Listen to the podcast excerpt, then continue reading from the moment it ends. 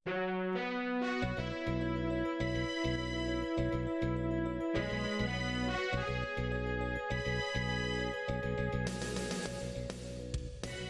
is Radio Free Asia. The following program is in Burmese. ။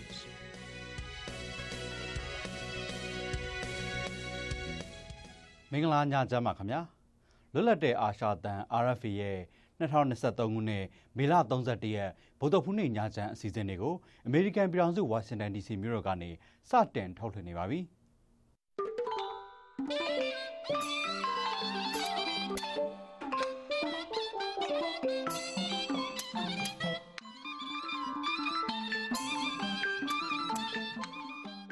ကျွန်တော်ကရဲကောင်မြတ်မောင်ပါ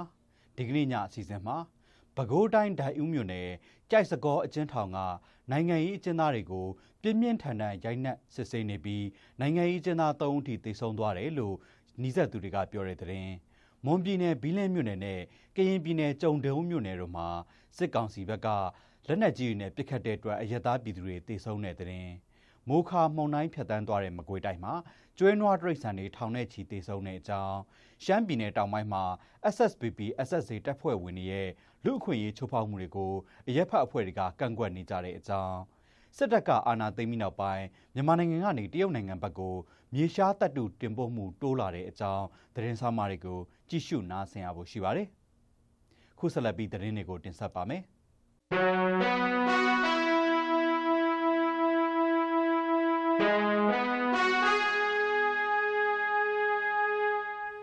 ပဲခူးတိုင်းရှိချမ်းဒိုင်ဦးမြို့နယ်ကြိုက်စကောအကျဉ်းထောင်ကနိုင်ငံရေးအကျဉ်းသား24ဦးကိုစစ်ကောင်စီတပ်ကထောင်နှဲအိတ်ဆောင်ကနေတီးတန့်ခေါ်ထုတ်ပြီးပြင်းပြင်းထန်ထန်ရိုက်နှက်စစ်ဆေးနေတဲ့အတွက်အသက်အန္တရာယ်စိုးရိမ်ရတဲ့အခြေအနေရှိနေတယ်လို့အကျဉ်းထောင်နဲ့နှီးဆက်သူတွေက RFA ကိုပြောပါတယ်။ရိုက်နှက်ခံရသူတွေကိုထောင်တွင်းကတခန်းလုံးအပေါင်ချထားတဲ့တီးတန့်တိုက်ထဲမှာခွဲထားပြီးထမင်းလုံးဝမကြွေးတာ၄ရက်ထိရှိနေပြီလို့လည်းပြောပါတယ်။ကရင်မျိုးသားစီယုံ KNU နယ်မြေမှာခိုလုံနေတဲ့ ပဲခူး PDF နဲ့ဆက်သွယ်တယ်ဆိုတဲ့ဆွဆွဲချက်နဲ့အခုလိုပြင်းပြင်းထန်ထန်ရိုက်နှက်စစ်ဆေးနေတာလို့လုံခြုံရေးရအမြင်ဖော်လို့တဲ့အကျဉ်းထောင်နဲ့နှီးဆက်သူတို့ကဒီကနေ့ပြောပါတယ်။မေလ25ရက်နေ့ကစပြီးနိုင်ငံရေးကျင်းသား24ဦးကိုတီးခြားခေါ်ထုတ်စစ်ဆေးခံရပြီးအဲ့ဒီအထက်ကနိုင်ငံရေးကျင်းသားကိုတန့်စင်ဝင်တည်ဆုံသွားတဲ့အကြောင်း RFA ကဆက်သွယ်မြင်မြန်ခဲ့တဲ့ကြိုက်စကောအကျဉ်းထောင်နဲ့နှီးဆက်သူတွေကမေလ28ရက်နေ့ကအတည်ပြုပြောဆိုခဲ့ပါတယ်။ လောလောဆယ်မှာအကျဉ်းသား၃ဦးထိတေဆုံးသွားပြီလို့သိရပြီးထောင်အာဏာပိုင်တွေကတော့မိသားစုတွေစီကိုအကြောင်းမကြားတာကြောင့်တေဆုံးသူတွေရဲ့နာမည်တွေကိုအတိအကျမသိရသေးဘူးလို့အဲ့ဒီအကျဉ်းထောင်နဲ့နှီးဆက်သူတွေကပြောပါတယ်ဒီကိစ္စနဲ့ပတ်သက်ပြီးအတိအကျသိနိုင်မှုစစ်ကောင်စီရဲ့အကျဉ်းဦးစီးဌာနပြောရေးဆိုခွင့်ရှိသူဒုတိယညွှန်ကြားရေးမှူးချုပ်ဦးနိုင်ဝင်းကို RFA ကဒီကနေ့ဖုန်းခေါ်ဆိုခဲ့ပေမဲ့ဖုန်းမကင်ပါဘူးပြီးခဲ့တဲ့မေလ18ရက်နေ့ကပဲခူးတိုင်းတောင်ငူအကျဉ်းထောင်ကနိုင်ငံရေးကျင်းသား10ဦး အဆောင်ရဲနဲ့စစ်သားတွေစီကတနက်လူယူထွက်ပြေးခဲ့ပြီးအဲ့ဒီထဲက9ဦးလွတ်မြောက်သွားတဲ့နောက်ပိုင်းနိုင်ငံတော်ဝန်ကအကျဉ်းထောင်အချို့ကနိုင်ငံရေးကျင်းသားတွေကိုထောင်အာဏာပိုင်တွေကတန်တရားနဲ့တီးခြားခွဲထုတ်ပြီးရိုက်နှက်စစ်ဆေးနေတာဖြစ်ပါတယ်။မွန်ပြည်နယ်ဘီလင်းမြို့နယ်အဝန်းကြီးရွာတွေကိုစစ်ကောင်စီတပ်ကမေလ18ရက်နေ့ကလက်နက်ကြီးနဲ့ပစ်ခတ်ခဲ့တာကြောင့်ဦးစင်တစ်ပါးကိုရင်နှစ်ပါးနဲ့အရက်သား2ဦးစုစုပေါင်း9ဦးထိခိုက်ဒဏ်ရာရခဲ့တယ်လို့ KNU တထုံခရိုင်မိဖက်ကြီးကြပ်မှုကော်မတီက RFA ကိုပြောပါတယ်။တထုံမြို့နယ်ဇီးဝန်းအချိုဆိုင်314အမြောက်တပ်ကနေပြစ်ခတ်ခဲ့တာလို့ KNU တထုံခရိုင်မိဖက်ကြီးကြပ်မှုကော်မတီကတာဝန်ရှိသူတို့ကပြောပါတယ်။နှစ်ဖက်တိုက်ပွဲဖြစ်ပွားတာမျိုးမရှိဘဲစစ်ကောင်စီအမြောက်တပ်ကရွာရီစီကိုလက်နက်ကြီးနဲ့ပစ်ခတ်ခဲ့တာလို့ဆိုပါတယ်။ဒီအကြောင်းနဲ့ပတ်သက်လို့စစ်ကောင်စီရဲ့မွန်ပြည်နယ်ပြောခွင့်ရသူပြည်내အတွင်းရေးမှူးဦးတိုးဝင်းကို RFA ကဆက်သွယ်ခဲ့ပေမဲ့ဖုန်းလက်ခံဖြေဆိုတာမရှိပါဘူး။ ကရင်ပြည်နယ်မှာမေလ30ရက်နေ့ကကြုံတိုးရဲစခန်းတိုက်ခိုက်ခံရပြီးတဲ့နောက်စစ်ကောင်စီတပ်ကလက်နက်ကြီးနဲ့ပစ်ခတ်ခဲ့တဲ့အတွက်ရွာသားတအုပ်သိဆုံးပြီးတအုပ်အပြင်းထန်ဒဏ်ရာရသွားပါတယ်။မနေ့ကမနက်9နာရီလောက်ကကြုံတိုးရဲစခန်းကို KNL ပူးပေါင်းတပ်ဖွဲ့ဝင်တွေကဒရုန်းနဲ့ဘုံချတိုက်ခိုက်ခဲ့တဲ့နောက်စစ်ကောင်စီရဲ့ခလာရ946တပ်ကနေလက်နက်ကြီးတွေနဲ့ပြန်ပြီးပစ်ခတ်တဲ့အခါကန်းနီညောင်ရိပ်သာလမ်းမကို ကြာရောက်ပြီးပောက်ကွဲခဲ့တဲ့အတွက်ရွာသားအချို့ထိခိုက်ဒေဆုံးခဲ့တာလို့တရက်တော်ရွာသားတူက RFA ကိုပြောပါတယ်။ကျုံတိုးရဲစခန်းတွေကို KLNA ပူးပေါင်းတပ်ဖွဲ့တွေကဒရုန်းနဲ့တိုက်ခိုက်ခဲ့တဲ့အတွက်ရဲ2ယောက်စစ်သား3ယောက်ဒဏ်ရာရခဲ့တယ်လို့ကျုံတိုးစေုံကအမြင်ဖော်လို့တဲ့ဝန်ထမ်းတယောက်ရဲ့ပြောဆိုချက်အရသိရပါတယ်။ဒဒီဖြစ်ရပ်တွေနဲ့ပတ်သက်လို့စစ်ကောင်စီဘက်ကသတင်းထုတ်ပြန်တာမတွေ့ရသေးပါဘူး။ ကရားပြည်နယ်မှာပြီးခဲ့တဲ့နှစ်နှစ်တာကာလအတွင်းတိုက်ပွဲတစ်ထောင်ကျော်ဖြစ်ပွားခဲ့ပြီးစစ်ကောင်စီတပ်ဖက်ကလက်နက်မျိုးစုံ600ကျော်ထိသိမ်းဆည်းရမိခဲ့တယ်လို့ကရင်နီအမျိုးသားများကာကွယ်ရေးတပ် KNDF ရဲ့ဥက္ကဋ္ဌခွန်ဘီထူကမေလ31ရက်နေ့မှာပြောပါတယ်။ကရင်နီအမျိုးသားများကာကွယ်ရေးတပ် KNDF တီထောင်တဲ့နှစ်နှစ်ကျော်ကာလအတွင်းမှာမြောက်ပိုင်းညီနောင်မဟာမိတ်သုံးဘွဲ့ဖြစ်တဲ့ရခိုင်တပ်တော် AA တအောင်းမျိုးသားလွတ်မြောက်ရေးတပ်မတော် TNL နဲ့ မြန်မာအမျိုးသားဒီမိုကရက်တစ်မဟာမိတ်တပ်မတော် MNDAA တို့စီကနေလက်နက်ခဲယမ်းတွေနဲ့တပ်မုံအဖြတ်နိုင်တဲ့စစ်ရေးအကူအညီတွေကိုရရှိခဲ့တယ်လို့လည်း KNDF ကပြောပါတယ်။ပြီးခဲ့တဲ့နှစ်နှစ်ကျော်ကာလအတွင်းကတိုက်ပွဲပေါင်းတစ်ထောင်ကျော်အတွင်းမှာ KNDF ဘက်ကတပ်သား153ဦးသေဆုံးခဲ့တယ်လို့သူကပြောပါတယ်။ KNDF ဟာကရားပြည်နယ်အတွင်းတပ်ရင်း22ရင်းနဲ့စစ်ဗျူဟာ6ခုရှိပြီးကရင်နီပြည်နယ်အတိုင်ပင်ခံကောင်စီ KSCC ရဲ့ နိုင်ငံရေးလမ်းညွှန်မှုအောက်မှာလှုပ်ရှားနေတာဖြစ်ပါတယ်။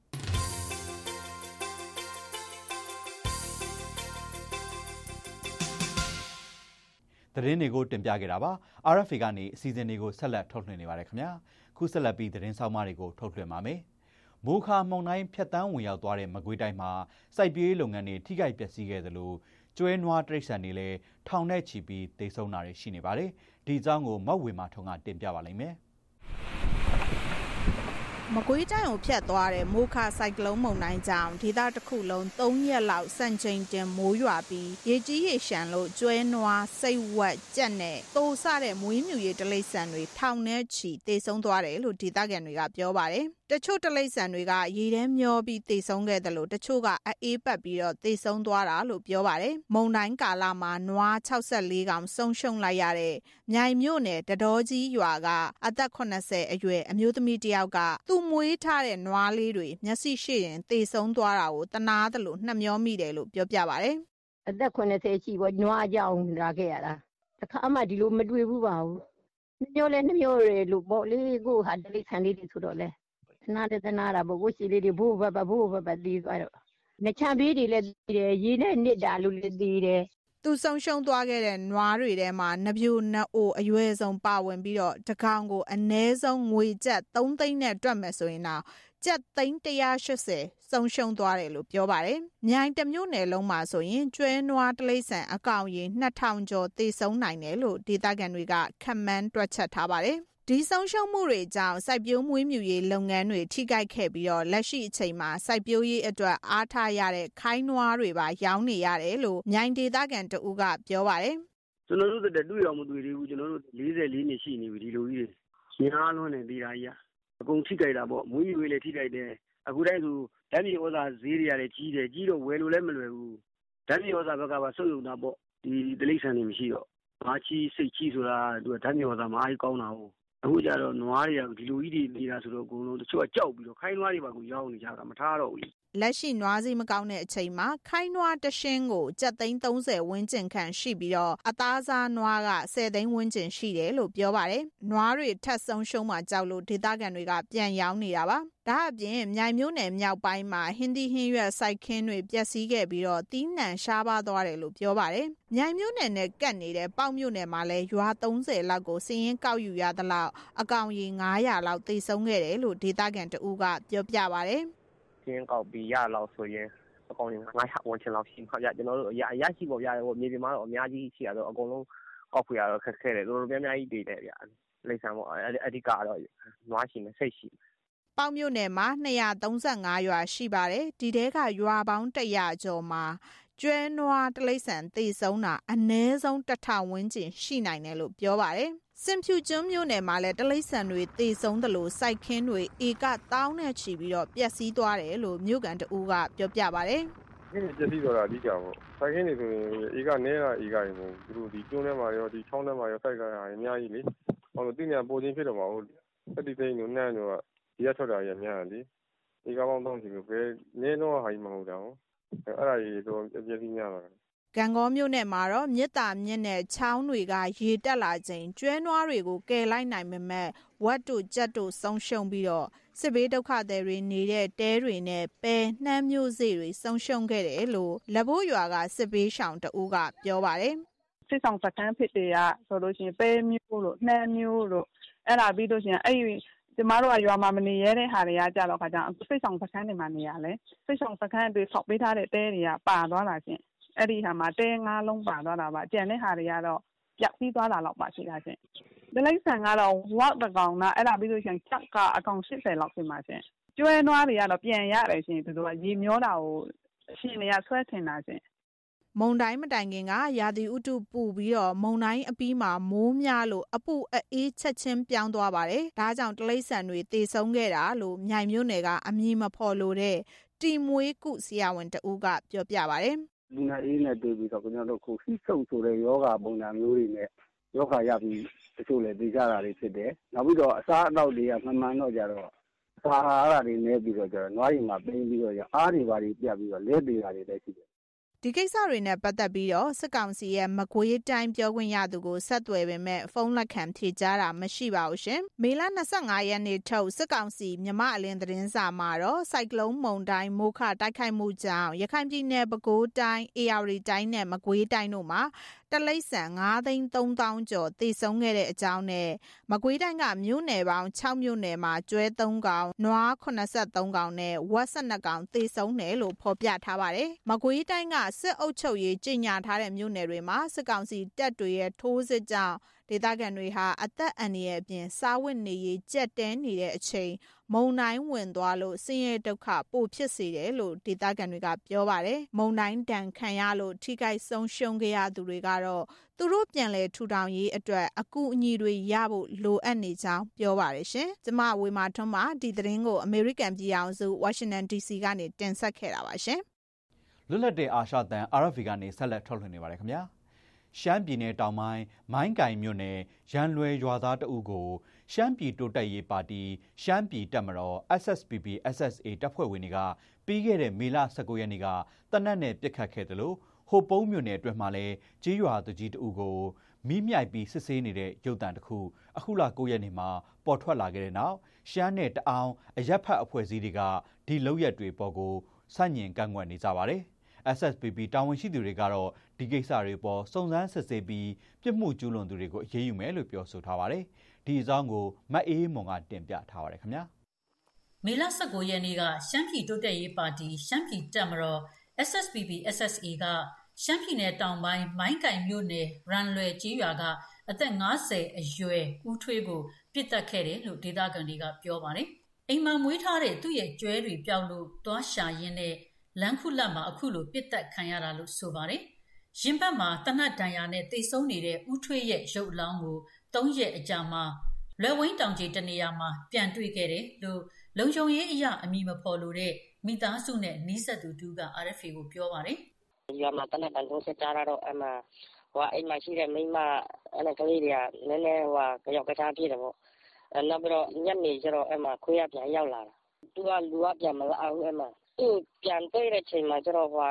မဝင်းတောင် တောင်ရဲ့အောက်မှာ ပြန်တွေ့တာဒီပြနားလေးမှာ ပြန်တွေ့တာ ပထမရက်တော့တွားတယ်လေ သူတို့က အဲ့မှာစိတ်နေနဲ့တော့တိုးတာတွားခွင့်မပြုအဲ့မှာ အဲ့ဒီနေ့ကျတော့ နောက်အဲအစိမ်းနေပြန်ရွှေ့ နေရာရွှေ့မှာသူတို့က ပြန်တော့ရှာတာ ပြန်တော့ရှာတော့တော့တွေ့တယ်လေ အလောင်းသူပြောသွားတဲ့ အစိမ်းတွေဆိုတာဟာ စစ်ယူနီဖောင်း အစိမ်းရောင်ဝတ်ထားတဲ့ SSPB တပ်ဖွဲ့တွေကို ဆိုလိုတာဖြစ်ပါတယ်။ရန်လွယ်ကျေးရွာနဲ့ လွယ်ဝင်းတောင်ကြီးတဝိုက်မှာ ပြီးခဲ့တဲ့ဇန်နဝါရီလအထိ SSPB နဲ့ RCSS ရှမ်းလက်နက်ကိုင်နှစ်ဖွဲ့တိုက်ပွဲတွေပြင်းထန်ခဲ့ပါတယ်။တိုက်ပွဲတွေအပြီးမှာတော့ RCSS ကအဲ့ဒီနေရာကနေဆုတ်ခွာသွားပြီးလက်ရှိမှာ SSPB တပ်ဖွဲ့ကတပ်ဆွဲလှုပ်ရှားနေတာလို့ဒေသခံတွေကပြောပါတယ်။ SSPB ကအဲ့ဒီဒေတာကိုထိန်းချုပ်ခဲ့ပြီးနောက်ပိုင်းမှာဒေသခံတွေကိုတူမီတနတ်တွေမကန်ရဘူးဆိုပြီးသတိပေးချက်ထုတ်ပြန်ထားပါတယ်။ပြစ်ခတ်ခံရတဲ့ဦးထွေးကိုလည်းတူမီတနတ်နဲ့တွေ့လို့ ရက်တန့်ခိုင်းတဲ့အခါမှာမရက်ပဲထွက်ပြေးသွားတာကြောင့်ပြစ်တက်လိုက်တာလို့ SSPB ဘက်ကအကြောင်းပြပါတယ်။ဒါပေမဲ့ဦးထွေးဟာသူ့လက်ထဲမှာဘာတူမီတနတ်မှကင်ဆောင်မထားဘူးလို့မိသားစုနဲ့နီးစပ်သူတူက RFA ကိုပြောပါတယ်။တေဆုံးသူဦးထွေးမှာဇနီးနဲ့သားသမီးတွေကြံခဲ့ပါတယ်။ SSPB တာဝန်ရှိသူတွေကပြီးခဲ့တဲ့မေလ26ရက်နေ့ကမိသားစုဝင်တွေကိုငွေ9သိန်းလာပေးသွားတယ်လို့လည်းဒေသခံတွေကပြောပါတယ်။ SSPB ရဲ့ဒီလုပ်ရက်ဟာအပြည်ပြည်ဆိုင်ရာလူအခွင့်အရေးကိုဇက်တိုက်ချိုးဖောက်နေတာဖြစ်တယ်လို့ရှမ်းပြည်အခြေဆိုင်တအန်းအမျိုးသမီးအဖွဲ့ပြောရေးဆိုခွင့်ရှိသူလူရေးကပြောပါတယ်ဒီဘာမှမစီမဆိုင်တဲ့ရွာသားတွေကနေပြီးမှသူတို့ဖန်နေလောက်ကန်စားတောက်ကြတယ်ဒါပေမဲ့ကျွဲပါဆိုင်နဲ့ရွာသားတွေကိုပြစ်တက်လိုက်တဲ့ဟာမျိုးတွေပေါ့နော်ဆိုတော့ သူတို့က တိုင်းသားလက်နက်ကန်တွေဖြစ်တယ် လက်နက်ကန်ကိုကန်ပြီးမှဒီခုနပြောတဲ့ အပြစ်မဲ့ရွာသားတွေပေါ့နော် သူတို့ရဲ့ဥတီအုပ်စုပြစ်မဲ့မဟုတ်တဲ့ သူတို့ရဲ့ ရွာသားတွေကို သူတို့ကရမူတယ်ဆိုတော့လေ ဒါကတငနကရဲ့ လူသားချင်းစာနာ HR ကိုလည်း သူတို့ ချိုးဖောက်တယ်ပေါ့နော် ဆိုတော့ ဒါက သူတို့ လူခရီး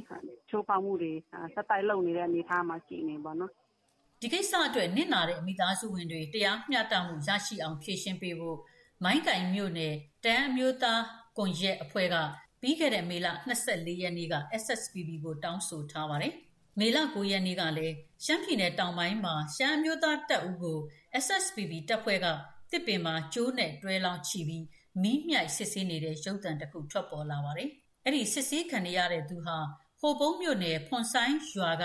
ရွာတကြီးဥဝါလဖြစ်ပြီးသူနဲ့အတူရွာသား10ဦးကို SSPB တပ်ဖွဲ့ကပြီးခဲ့တဲ့နှစ်ဧပြီလ9ရက်နေ့ကတည်းက ဖမ်းဆီးသွားခဲ့တာလို့လည်းရှမ်းအရက်ဖက်အဖွဲ့အစည်းတာဝန်ရှိသူတွေကပြောပါတယ်။အဖမ်းခံရပြီးသတင်းအစနပျောက်နေတဲ့ရွာတကြီးနဲ့ရွာသားတွေရဲ့သတင်းကိုနှိပ်စက်ခံနေရတဲ့ရုပ်တံဖိုင်ထွက်ပေါ်လာမှပဲသိရတယ်လို့ရွာသားတွေကဆိုပါတယ်။ဒေသခံလူထုကိုကာကွယ်ဖို့တာဝန်ရှိတဲ့ရှမ်းတော်လှန်ရေးတပ်ဖွဲ့တစ်ဖွဲ့အနေနဲ့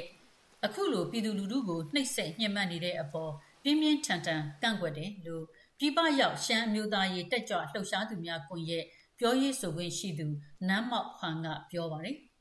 ဒီရှမ်းပြည်အရေးကို ပြင်ပအနေနဲ့ကြည့်မယ်ဆိုလို့ရှိရင် RCSS နဲ့ SSPP ပဲဖြစ်တယ်လို့ မြင်ပါလိမ့်မယ် ပြည်သူတွေက ကြားနေပြီး ခံစားတဲ့အရာက တပ်ပေါင်းစုနဲ့ RCS ရဲ့ တိုက်ပွဲဖြစ်ပါတယ်ပေါ့တဲ့တပ်ပေါင်းစုဆိုပေါ့နော် ပြည်သူတွေအတွက်လှုပ်တယ်ပဲ ပြောကြလေ အဲဒါကြောင့် SSPP ပဲတားပြီးအုပ်စုတွေဖြစ်စေ RCS ကနေပြီးတော့ သူ့ရဲ့နေနေမှာလည်းဖြစ်ပါစေ ပြည်သူလူထုတွေရဲ့ လုံခြုံမှုကိုအတိအကထားပြီးတော့လှုပ်ဆောင်ပေးရမှာ ဖြစ်ပါတယ်ရှင်သူတို့လိုအပ်တဲ့ ရိတ်ခါတော်၎င်း လိုအပ်တဲ့ သူတို့စစ်သားစုဆောင်ရေးလုပ်တဲ့တဲ့အချိန်မှာလည်း ပြည်သူလူထုကိုပဲ သူတို့က ခေါ်တော့တာဖြစ်တယ်။ရှုံချတာ တားမြစ်တဲ့အပြင်ကို ကျမတို့ကန့်ကွက်ပါတယ်။နောက်ထပ်ဆက်မဖြစ်ဖို့လည်း ကျမတို့က စာထုတ်ထားပြီးသားဖြစ်ပါတယ်။ SSPP ဘက်က ဘယ်လိုတုံ့ပြန်လာမလဲဆိုတာ ကျမတို့က အချိန်အတိုင်းအတာတစ်ခုအတွင်း ကြည့်နေတာဖြစ်ပါတယ်ရှင်။ဖမ်းထားတဲ့သူတွေကို ပြန်လွှတ်ပေးဖို့တပ်ဖြတ်ခံခဲ့ရသူတွေရဲ့ မိသားစုဝင်တွေကို SSPB ဘက်က တာဝန်ယူပေးဖို့နဲ့ လက်နက်ကင်အဖွဲ့တွေအနေနဲ့ အပြည်ပြည်ဆိုင်ရာလူသားချင်းစာနာမှုဥပဒေကိုလေးစားလိုက်နာဖို့လည်းပြည်ပရောက်ရှမ်းမျိုးသားရေးတက်ကြွလှုပ်ရှားသူများကွန်ရက်အဖွဲ့ကတိုက်တွန်းထားပါတယ်။ Run လေကြီးရွာသားတပ်ဖြတ်ခံရတဲ့ကိစ္စအတွေ့ SSPB ပြောခွင့်ရသူပုံမှုဆိုင်းဖုံးဟန်ကို RFA ကဆက်သွယ်မေးမြန်းရမှာတကယ်ဖြစ်ခဲ့တဲ့အခြေအနေကိုစုံစမ်းစစ်ဆေးနေစေဖြစ်တာကြောင့်လက်တလောပြန်လည်ဖြေဆိုလို့မရသေးဘူးလို့ပြောပါတယ်။မိမြိုင်စစ်ဆေးခံရတဲ့ဥဝါလအကြောင်းနဲ့ပတ်သက်လို့တော့ဘုံမူဆိုင်းဖုံးဟန်က အခုလိုရှင်းပြပါတယ်။ဒီမိုင်းကိုင်လက်ချက်ဘက်မှာဘုံခဏခဏကွဲတယ်ဗျာပြီးတော့ဟိုချောင်းမောင်းပြစ်ခတ်မှုကဖြစ်နေတယ်အဲ့ဒါကိုကျွန်တော်တို့ကျောင်းတွေကစီချိုးရေးလောက်တာပေါ့ဗျာစီချိုးရေးလောက်တာဆိုနည်းနည်းလည်းလွန်သွားတဲ့သဘောရှိတယ်စစ်စေးခွင့်ကဒီအဖွဲ့အစည်းတိုင်းမှာလည်းလုပ်ကြတာပေါ့နော်အဲ့ဒါလည်းကျွန်တော်တို့ကဒါမှဖြစ်တဲ့မဖြစ်ထိုက်ဘူးလို့ကျွန်တော်လည်းဒါမြင်ပါတယ်ဒီဖြစ်စဉ်ကိုလည်းကျွန်တော်တို့အသေးထားပြီးမှစုံစမ်းစစ်ဆေးလုပ်နေတာဖြစ်တယ်ဒါက သက်ဆိုင်တဲ့ သူတို့အဆွေမျိုးတွေလည်း ကျွန်တော်တို့ဒါစိတ်မကောင်းဆိုတဲ့ဟိုအမေစိတ်ပို့ပါတယ် လက်ရှိမှာဥဝါလကြမ်းကြမ်းမာမာရှိနေတဲ့အကြောင်း SSPB ကထုတ်ပြန်ထားပေမဲ့ သူတို့ကို ဘယ်တော့ ပြန်လွှတ်ပေးမလဲဆိုတာကိုတော့ အတိအကျ ထည့်ပြောမထားပါဘူး ရှမ်းပြည်နယ်မှာ SSPB နဲ့ RCSS ရှမ်းလက်နက်ကိုင်နှစ်ဖွဲ့ ပဋိပက္ခအကြားမှာ ဒေသခံတွေဟာ မကြာခဏ ဖမ်းဆီးတပ်ဖြတ်ခံရလိရှိပါတယ်။နှစ်ဖက် တိုက်ပွဲတွေကြောင့်လည်း ဒေသခံတွေမကြာခဏဆိုသလိုနေရက်စွန့်ခွာထွက်ပြေးရတဲ့အတွက်ရှမ်းလက်နက်ကင်နှစ်ဖွဲ့တင့်မြတ်ရေးနဲ့တွဲဆုံဆွေးနွေးရေးကိုရှမ်းအရက်ဖက်အဖွဲ့အစည်းတွေနိုင်ငံရေးပါတီတွေနဲ့တအန်းတန်ဃာတော်တွေကမကြာခဏတောင်းဆိုနေကြပါတယ်။ဒါပေမဲ့ရှမ်းလက်နက်ကင်နှစ်ဖွဲ့တွဲဆုံဆွေးနွေးမှုကတော့ဒီကနေ့အထိလက်တွေ့အကောင့်ထဲမဖော်နိုင်သေးပါဘူး။တိုင်းရင်းသားရေးရာနဲ့စီရေးလေးလာသုံးသက်သူဦးတန်းစိုးနိုင်ကတော့နောက်ခံအခြေအနေတွေနဲ့ရက်တီမှုမတူတဲ့ရှမ်းလက်နက်ကင်နှစ်ဖွဲ့ တွဲဆုံဆွေးနွေးရေးမအောင်မြင်တဲ့၍အပြစ်မဲ့တဲ့အရက်သားတွေအခုလိုပဲထိခိုက်သေးဆုံးကြရလိမ့်မယ်လို့ RFA ကိုပြောပါတယ်။ SSDB ကအဲ့လိုလုပ်တာတွေရှိတယ်လို့ RCSS ကလည်းအတင်းအဓမ္မစစ်သားအသိန်းကနာခွန်ကောက်တာဘာညာစတဲ့ကိစ္စတွေကျွန်တော်တို့ကြုံရဘူးတော့လေခြေခံရက်ခံမှုကကွဲလွဲနေတဲ့ခါကျတော့ဘယ်လိုမှအဲ့ဒီအင်အားစုတွေညှိနှိုင်းဆွေးနွေးဖို့လို့နော်လူလူကိုဟိုမထိခဲ့အောင် ကျွန်တော်တို့ ထိမ့်သိမ့်မှုဘာညာလို့ဆိုတဲ့ စကားတွေ ဘယ်တော့ပြောပြော သူ့လူကိုလူအရှိကြတာဟုတ်ရဲ့ရွာတိုင်းမှာ အဲ့ဒီကကြတော့ SSBB ကလူလို့ ပြောတဲ့လူကို RCS ကပြီးလိုက်တယ် RCS ရဲ့လူလို့ဒီစားတဲ့လူ SSB ရဲ့တပ်ဖြတ်တယ်ဆိုတော့ အဲ့ဒီကအတော်ဖြစ်ရှင်းရခက်တဲ့ ကိစ္စပဲအမျိုးသားချင်းချင်းကြားမှာ အဲ့လိုဖြစ်တဲ့အတွက်ပူတော့ဝန်းနေစရာကောင်းပါတယ် ဝမ်ဟိုင်းဒေတာမှာ အခြေစိုက်ထားတဲ့ SSPB တပ်ဖွဲ့ဟာ မြန်မာစစ်တပ်နဲ့ ပြည်내အဆင့် ပြည်တော်စုအဆင့် အပြစ်ခတ်ရက်စဲရေးစာချုပ်မှာလက်မှတ်ရေးထိုးထားပေမဲ့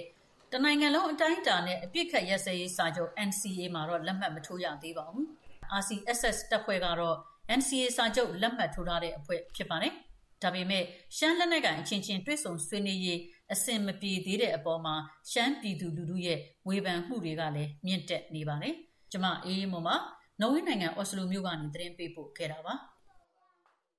လွတ်လပ်တဲ့အာရှတန် RFA ကနေဆက်လက်ထုတ်လွှင့်နေပါတယ်ခင်ဗျာစစ်တပ်ကအာဏာသိမ်းပြီးနောက်ပိုင်းမြန်မာနိုင်ငံမြောက်ဖျားကချင်ပြည်နယ်မှာမြေရှားတပ်တူတူဖော်မှုအရင်ကတည်းကနှစ်ဆတိုးလာတယ်လို့ဒေသခံတွေကပြောပါတယ်တရုတ်အစိုးရအကောက်ခွန်ဌာနရဲ့စီးရင်တွေအရ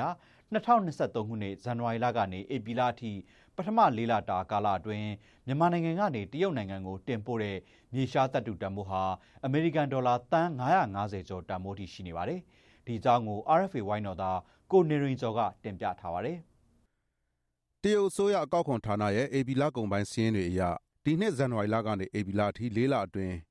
မြန်မာနိုင်ငံကနေတရုတ်နိုင်ငံကိုတင်ပို့တဲ့မြေရှားတပ်တုတန်ဖိုးဟာအမေရိကန်ဒေါ်လာ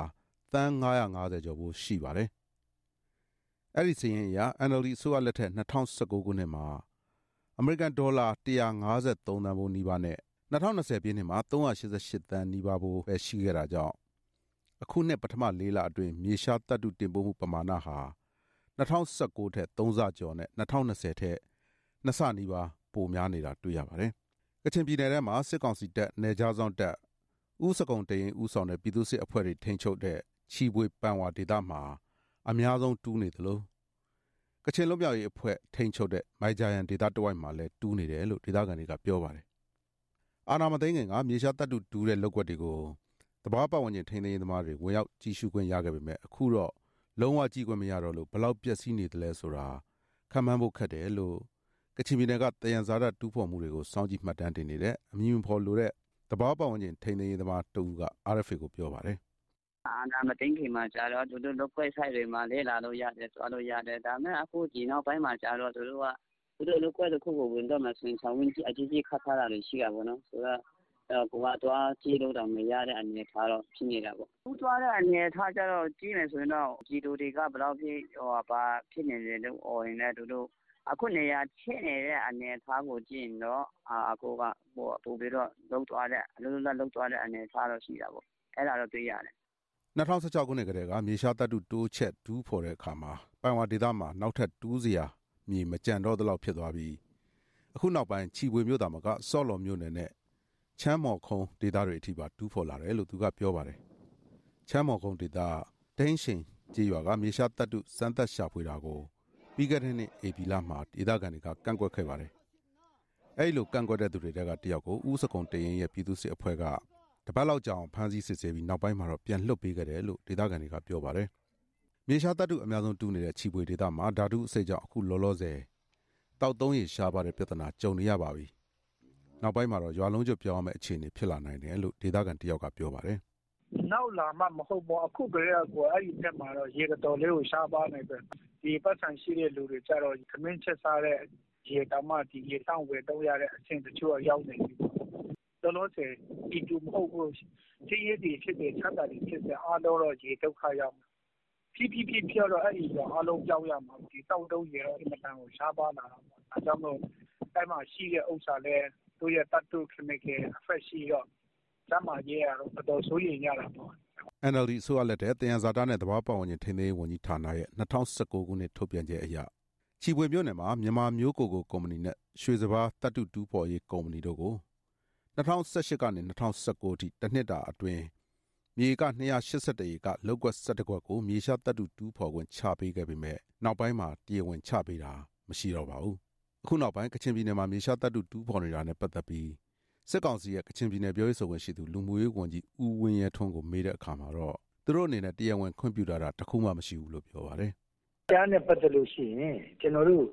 အစိုးရတရားဝင်ခွင့်ပြုထားတာတစ်ခုမှမရှိပါဘူးဗျနော်အဲ့ဒါပဲရှိပါတယ်ကျွန်တော်တို့ထိန်းသိမ်းတာဘာညာတော့ကျွန်တော်သူ့အဆင့်လိုက်လုပ်သွားမှာပေါ့အစိုးရမှာသူ့ process ရှိပြီးသားပါအဲ့တော့ခုသူဟိုအဲ့ဒီကိစ္စကြတော့ကျွန်တော်အပိုင်းနဲ့တော့ဒီလောက် တိုက်ရိုက်ကြီးတော့မဆိုင်တော့ကျွန်တော်အသေးစိတ်တော့မသိဘူးဒါပေမဲ့ကျွန်တော်သိတာကတော့ဒီဥစ္စာကြီး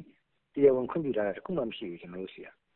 လက်ရှိချီပွေနဲ့ပန်ဝါဒေတာကတူးဖော်နေတာတွေကိုဘလို့ထိန်းချုပ်မလဲဆိုတဲ့မေးခွန်းကိုတော့သူကပြန်မဖြေပါဘူး KIO ထိန်းချုပ်နယ်မြေတစ်ခုဖြစ်တဲ့ဗမော်ခရိုင်မန်စီမြို့နယ်ဒိန်စင်းပါရွာကမြေရှားတပ်တုတူးဖော်တာကို KIO က2023 AB လကပိတ်သိမ်းခဲ့ပေမဲ့မိုင်ဂျန်ရနာတွိုက်မှာတော့ဆက်ပြီးတူးနေသေးတယ်လို့ဒေသခံတွေကပြောပါတယ်။ဒါနဲ့ပတ်သက်လို့ KIO သတင်းနဲ့ပြန်ကြားရေးတာဝန်ခံဗိုလ်မှူးကြီးနော်ပူကိုမေးတဲ့အခါမှာတော့မြေရှားတပ်တုတူးဖော်ရင်ဘလောက်တွင်တွင်ကြဲကြဲရနိုင်မလဲဆိုတာစမ်းသပ်တဲ့အဆင့်ပဲရှိသေးတယ်လို့တုံ့ပြန်ပါတယ်။ KIO အနေနဲ့တော့ မြေရှားတပ်တုနဲ့ပတ်သက်လို့အဲစီမင်းစီကံ policy တွေတည်တံ့ချမှတ်တာတော့ အခုမရှိသေးဘူးနော်အဲကျွန်တော်တို့ အုပ်ချုပ်တဲ့နေမြေဘက်မှာ မြေရှားတပ်တုတွေ ဘယ်လောက်ထိရှိတယ်လဲ လုပ်ငန်းတူချေမှု ဖြစ်နိုင်မလားဆိုတဲ့အပိုင်းနဲ့ ကျွန်တော်တို့ စမ်းတက်တဲ့အနေနဲ့ စမ်းတက်တဲ့အပိုင်းတော့ပဲရှိတယ်အဲတကယ်အဲကုမ္ပဏီနဲ့အဲတက်ဆရာမရှင်ချေရှင်နာနဲ့တဲ့ စာချုပ်ချုပ်တာတွေတော့ ဘာမှမရှိသေးပါဘူးခုလုံးလို့ဆရာ ကချင်ပြည်နယ်မှာ မြေရှားတပ်တုတူးဖော်တာကို တရားဝင်ခွင့်ပြုထားတာမရှိဘူးလို့ စစ်ကောင်စီနဲ့ KIO နှစ်ဖက်စလုံးက ပြောနေပေမဲ့တရုတ်ဆိုကအကောက်ခွန်ဌာနရဲ့ စာရင်းတွေအရ စစ်တပ်အာဏာစတင်ခဲ့တဲ့2021ကနေပြီးတော့အခု2023 AB လကုန်ဒီနှစ်နှစ်ကျော်အတွင်းမှာ မြန်မာနိုင်ငံကနေ တရုတ်နိုင်ငံကိုတင်ပို့တဲ့ မြေရှားတပ်တုတန်ဖိုးဟာ အမေရိကန်ဒေါ်လာ သန်း2000နီးပါးဖို့ရှိနေပါတယ်။ဒီမိုကရေစီအစိုးရတရရှိမှာပဲစီကံမဲ့တပ်တုတူးတာတွေကို ထိန်းချုပ်နိုင်လိမ့်မယ်လို့ အမျိုးသားညီညွတ်ရေးအစိုးရရဲ့တယံဇာတဝန်ကြီး ဒေါက်တာတူးခေါင်က ပြောပါတယ်။ ကျွန်တော်တို့တရားဇာတာနဲ့ ပတ်သက်ရင်တော့ဝေရှားပဲပြောပြောတောက်ပဲပြောပြော ရွှေပဲပြောပြောပေါ့နော် ဒီ mining နဲ့ ပတ်သက်တဲ့များအားလုံးက အဓိက သူ့လုံထုံးလုံနည်းရှိတယ် ကမ္ဘာအဆင့် လုံထုံးလုံနည်းရှိလို့ကျွန်တော်ဒေတာအဆင့်ပေါ့နိုင်ငံတွေရဲ့ လုံထုံးလုံနည်း နည်းဥပဒေရှိတယ် ဒါပေမဲ့ အခု မြန်မာပြည်မှာဖြစ်နေတဲ့ ပြဿနာက ဘာလဲဆိုတော့ ဒီလုံထုံးလုံနည်းတွေကို လက်ပြအကောင့်တွေပို့ဖို့အတွက်တိတ်ခဲဖြစ်နေတဲ့ ပြဿနာပေါ့နော် အဲဒါကြောင့်အင်းသေးမယ်ဆိုတဲ့ဘိုင်းက အဓိက ဥပဒေစိုးမိုးရေးလိုတာပေါ့နော်အဲဥပဒေစိုးမိုးရေးရှိဖို့ဆိုရင်လည်းသူကဒီမိုကရက်တစ်ရန်တရားနဲ့တိစောက်ထားတဲ့အစိုးရတရက်လိုအပ်တယ်ကမ္ဘာနိုင်ငံတွေရဲ့တဘာရင်းမြစ်တွေနဲ့တတ်တူတူးဖော်မှုတွေအကြောင်းသတင်းရေးသားဖော်ပြနေတဲ့ investingnews.com ရဲ့2023ခုနှစ်ဖေဖော်ဝါရီလ20ဖော်ပြချက်အရကမ္ဘာမြေရှားတတ်တူအထွက်ဆုံး၈နိုင်ငံမှာတရုတ်နိုင်ငံကထိပ်ဆုံးမှာရှိပါတယ်တရုတ်နိုင်ငံကနေတူးဖော်ရရှိနိုင်တဲ့မြေရှားတတ်တူပမာဏကမက်ထရစ်တန်ချိန်44သန်းလောက်ရှိနေတယ်လို့အမေရိကန်ဘူမိဗေဒဌာနကတွက်ချက်ထားပါတယ် ပြီးခဲ့တဲ့နှစ်မှာတော့တရုတ်ကမက်ထရစ်တန်ချိန်2သိန်း1000တူးဖော်ထုတ်လုပ်ခဲ့တယ်လို့ဖော်ပြပါတယ်။တရုတ်ပြီးရင်အမေရိကန်ကဒုတိယ၊ဩစတြေးလျကတတိယတူးဖော်နေတာဖြစ်ပါတယ်။မြန်မာနိုင်ငံမှာတော့2022ခုနှစ်ထဲမှာမက်ထရစ်တန်ချိန်12000ထုတ်လုပ်ခဲ့လို့ကမ္ဘာမှာစတုဒ္ဓအများဆုံးထုတ်တဲ့နိုင်ငံဖြစ်တယ်လို့ဖော်ပြထားပါတယ်။မြန်မာပြီးရင်တော့ထိုင်း၊ဗီယက်နမ်၊အိန္ဒိယ၊ရုရှား၊မဂါဒက်စကာနဲ့ဘရာဇီးနိုင်ငံတို့ဟာကမ္ဘာပေါ်မှာမြေရှားသတ္တုအများဆုံးထုတ်နေတဲ့နိုင်ငံတွေဖြစ်ပါတယ်။မြေရှားသတ္တုကို မိုဘိုင်းတယ်လီဖုန်း၊ကွန်ပျူတာ၊တီဗီဖန်သားပြင် စတဲ့ အသေးစားခေတ်မီ လျှပ်စစ်ပစ္စည်းတွေကနေ စစ်တပ်သုံး ဂျက်တိုက်လေယာဉ်၊လျှပ်စစ်ကား စတဲ့ တန်ဖိုးကြီးကားတွေအထိ ကွန်ပျူတာပိုင်းဆိုင်ရာတွေမှာ မဖြစ်မနေ အသုံးပြုရပါတယ်။ဒါကြောင့် မိုဘိုင်းတယ်လီဖုန်းနဲ့ ကွန်ပျူတာအခြေခံတဲ့ လျှပ်စစ်ပစ္စည်းတွေ အမြောက်အများ ထုတ်နေတဲ့ တရုတ်နိုင်ငံက မြေရှားသတ္တုကို ကိုယ်တိုင်တူးဖော်ရုံသာမက အိမ်နီးချင်း မြန်မာနိုင်ငံ ကချင်ပြည်နယ်ကနေပါ ရသလောက်ဝယ်နေတာလည်း ဖြစ်ပါတယ်။ကျွန်တော်ကနေရင်ကျော်ပါ အမေရိကန်ပြည်ထောင်စု ဝါရှင်တန် DC ကနေ သတင်းပေးပို့လိုက်တာပါခင်ဗျာ။ ဒီအစီအစဉ်နဲ့ပဲဗုဒ္ဓဟူးနေ့ညချမ်းအတန်လွင့်ချက်တွေကိုရနာခွင့်ပြုပါခင်ဗျာဒီကနေ့ညအစီအစဉ်ကိုတာဝန်ခံအက်ဒီတာကိုနေရင်ကျော်ထုတ်လုပ်ရေးမှူးကိုဂျီရိုနဲ့အတူ RFA ဝိုင်းတော်သားတွေပူးပေါင်းတင်ဆက်ခဲ့ကြတာပါ RFA ကိုနားဆင်တဲ့အတွက်လည်းကျေးဇူးတင်ပါတယ်ခင်ဗျာ